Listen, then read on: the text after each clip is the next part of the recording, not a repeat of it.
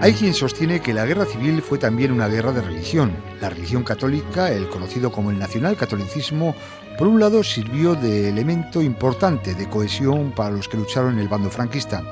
Por otro lado, el anticlericalismo violento, con la quema de iglesias y asesinatos religiosos, fue difundido en el mundo contra la República.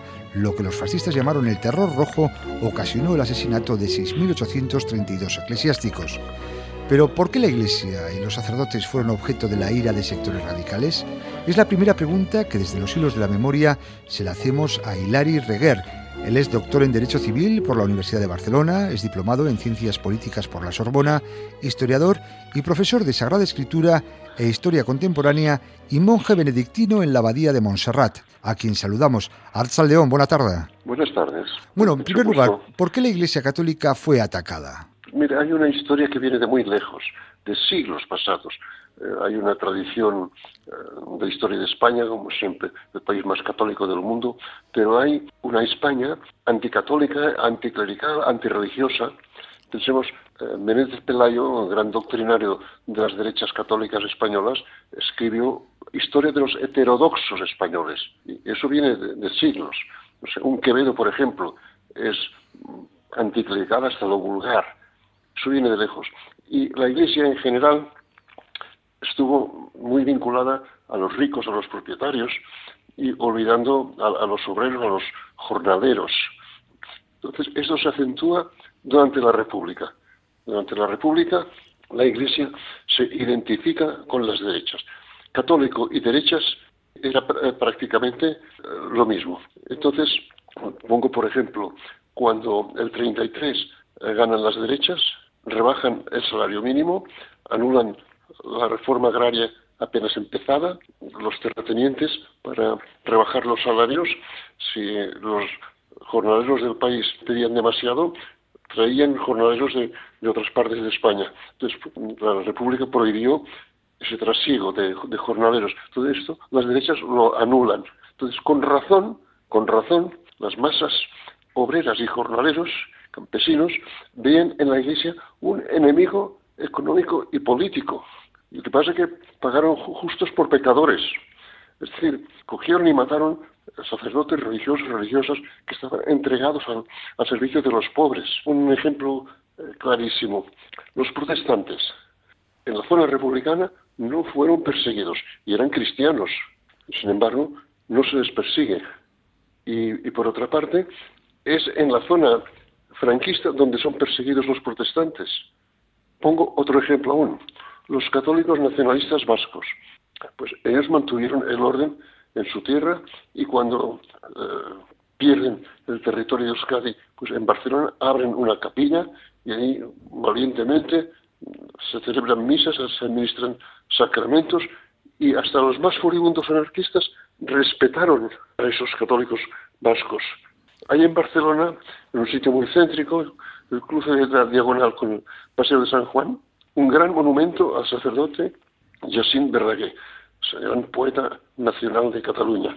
Entonces, este había sufrido mucho porque era el capellán del Marqués de Comillas y fue perseguido. Entonces, este iban a derribar el monumento porque era un cura con sotana y no, este era pobre, amigo de los pobres y perseguido por los ricos y, no se tocó aquel monumento.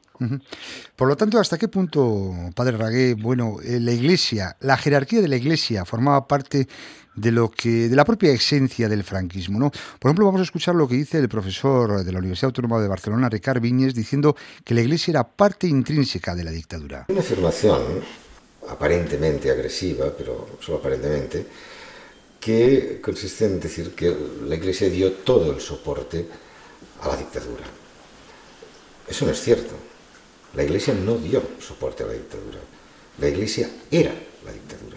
Es la esencia de la dictadura. Es lo mismo. La dictadura no puede funcionar sin la Iglesia. Es más, la dictadura tiene un gran vacío ético.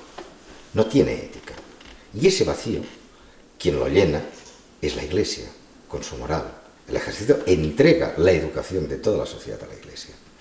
Y esa sociedad será educada conforme a sus principios. Si el Estado comienza una persecución absurda, estúpida, pero grave, de las mujeres según su atuendo, según sus prácticas, etcétera, etcétera.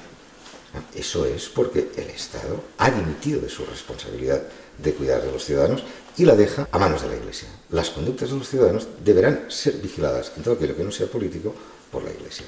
Es en ese sentido que no es que la Iglesia diese soporte, la, Iglesia era el franquismo, sin más. ¿Usted en ese sentido qué, qué comenta? Mire, el alzamiento del 36 no se hizo por la religión, se hizo contra el gobierno de Frente Popular, tenía que ser una dictadura republicana, y así acaba el primer manifiesto de, del mismo Franco, pero eh, sucede que eh, en la parte republicana se desata aquella persecución tremenda, que bastaba que alguien fuera identificado como sacerdote religioso o católico practicante para que fuera liquidado, ejecutado sin, sin proceso. Entonces, como decía mi maestro en historia de la guerra civil, Josep Benet, los anarquistas asesinos le sirvieron a Franco en bandeja el título de cruzada que le fue muy útil. Porque la guerra desde el principio se vio que se decidiría en el extranjero. Ni unos ni otros tenían suministros militares para una guerra larga. Dependían del extranjero.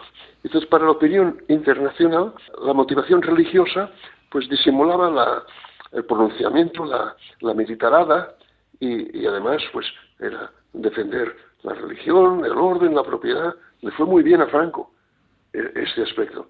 Y por esto incorporó al régimen que estaba creando como uno de sus pilares fundamentales a la Iglesia Católica y la doctrina católica, como si fuera eh, el magisterio de la Iglesia, pues eh, una ley obligatoria para, para todo el mundo.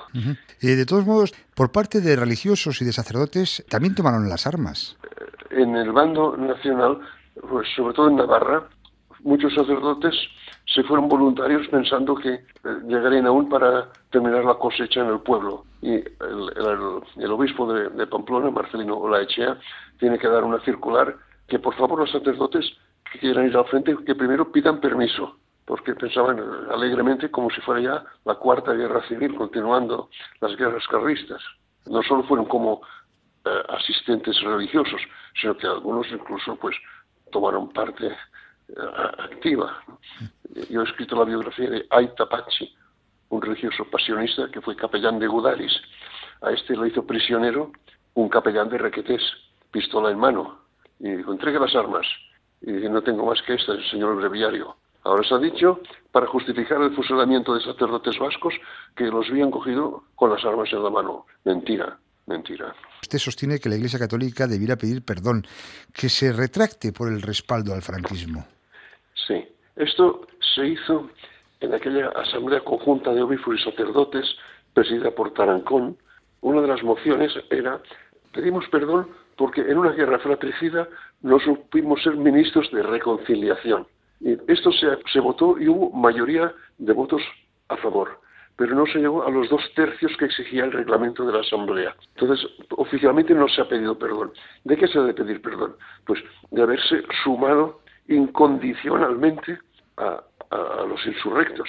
Se quejaron en la carta colectiva, describen la terrible persecución, en esto tienen razón, pero absuelven al bando eh, de los insurrectos de los crímenes que se cometían en la parte nacional o llamada nacional, que las investigaciones que se están haciendo ahora demuestran que fueron más numerosos que los de la zona republicana. Pasa que, si se puede decir con una frase algo dura, los muertos no abultan igual. No abulta igual un sacerdote, un obispo, un, un, gran financiero asesinado en la zona republicana que un pobre jornalero de Andalucía, eh, pues fusilado por, por la legión. Entonces, los muertos de la zona republicana, sobre todo eclesiásticos y gente notable, crearon un, ámbito internacional extraordinario y solo más recientemente se, han ido conociendo pues las, cifras escalofriantes de las matanzas sistemáticas en la zona llamada nacional. Intuyo, padre Ragué, que bueno, este pensamiento que tiene usted y esta petición no tiene, digamos, muy buena prensa entre la jerarquía eclesiástica. Intuye usted bien. Son tiempos nuevos, con un Papa nuevo, con el Papa Francisco. ¿Usted cree, por ejemplo, tiene la esperanza de que el nuevo Papa pudiera pedir perdón en nombre de la Iglesia? Podría ser, aunque sería coherente con su pensamiento. Por ejemplo, pedir perdón por la colaboración del episcopado argentino con la dictadura de Videla. Precisamente por eso, y hay un recorrido por parte de este Papa en ese sentido. Pues ojalá, ojalá lo, haga. De momento van canonizando eh, víctimas de, la persecución religiosa en la zona republicana y, no se habla de la otra. Que no digo que, los declaren mártires a los otros, pero habiendo una responsabilidad en la Iglesia que los obispos sabían lo que estaba pasando y callan. Hay un solo caso clamoroso, sí, es el de el arzobispo, obispo era entonces de Pamplona, Marcelino Olaechea, que en, agosto de 36, en un acto de imposición de insignias a mujeres de acción católica, grita no más sangre y denuncia la práctica que ya se había hecho habitual de que cuando traían el cadáver de un mozo, un requete caído en el frente, al pueblo para enterrarlo. Después del entierro, iban a matar a unos cuantos rojillos del pueblo. Imagínese usted, en los pueblos todos se conocen, saben quién votaba derechas, quién votaba izquierdas, cómo estarían los que eran conocidos como ser de izquierdas, de, UGT, por ejemplo, el sindicato de izquierdas, no criminales, de izquierdas, cuando había un entierro. ¿A quién le tocará hoy? Pues entonces con una elocuencia extraordinaria, arrebatadora, una chica dice, no más sangre, no más sangre, ya basta con lo que se derrama en el frente. Esto fue una denuncia, pero claro, se trató ya todo un mes matando gente en, Navarra. En 2001 usted publica eh, La pólvora y el incienso, un libro prologado por Paul Preston en recuerdo al cardenal Vidal y Barraquer. Fue un obispo, obispo de Tarragona, que a punto además estuvo de ser fusilado y obligado a exiliarse a Italia, pero que se negó a firmar la Carta Colectiva de Obispos Españoles en favor de Franco. ¿no? Este puede ser un ejemplo de esa ambivalencia que se vivió en aquellos tiempos ¿no? por parte de la Iglesia. De hecho, se le hizo un homenaje, un homenaje a su memoria ya en la transición, porque él había sido senador en el tiempo de la monarquía. Él deseaba el triunfo de Franco, y lo dice expresamente, pero no cree que la Iglesia tenga que identificarse con un bando en una guerra civil. Y sobre todo él buscaba una mediación internacional que impusiera una paz negociada. Y con una paz negociada no habría habido la represión desatada por Franco. Se había limitado la represión, pero Franco ni hablar de paz negociada, ¿no? Solo rendición sin condiciones, todos. Y esto es lo que exigía Franco. Y cuando Vidal y Barraquer, como algunos españoles que estaban en el extranjero, y hasta con la intervención de, la Santa Sede, propugnan una intervención extranjera que imponga una paz negociada, Franco se pone furioso, que esto es imposible, que no entiende lo que está pasando, y hace que prácticamente todos los obispos hagan declaraciones contra las negociaciones de paz que quieren la paz, pero la paz solo podrá lograrse por el triunfo total de Franco. y así se alargó. Franco, esto parecerá sorprendente, pero creo que lo tengo demostrado en el libro que usted ha citado. Franco alargó intencionadamente la guerra. Él podía haber acabado la guerra mucho antes. Con la ayuda de Hitler y Mussolini podía haber acabado mucho antes.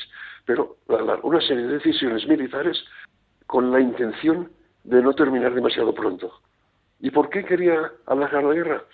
Pues mire, si el nacimiento de Sanjurjo hubiera triunfado, Sanjurjo era el jefe del Estado y Franco era uno del grupo de generales, ni mucho menos el primero. Le pasaban delante Cabanellas, Mola, Queipo de Llano. Entonces, si se hubiera con los pronunciamientos del siglo XIX en unos días, Franco era uno de tantos, otros habían tenido más autoridad que él. Si la guerra dura tres meses, por tanto, cuando él ya es jefe del Estado, del 1 de octubre del 36, entonces él ya está delante, pero es primus inter pares.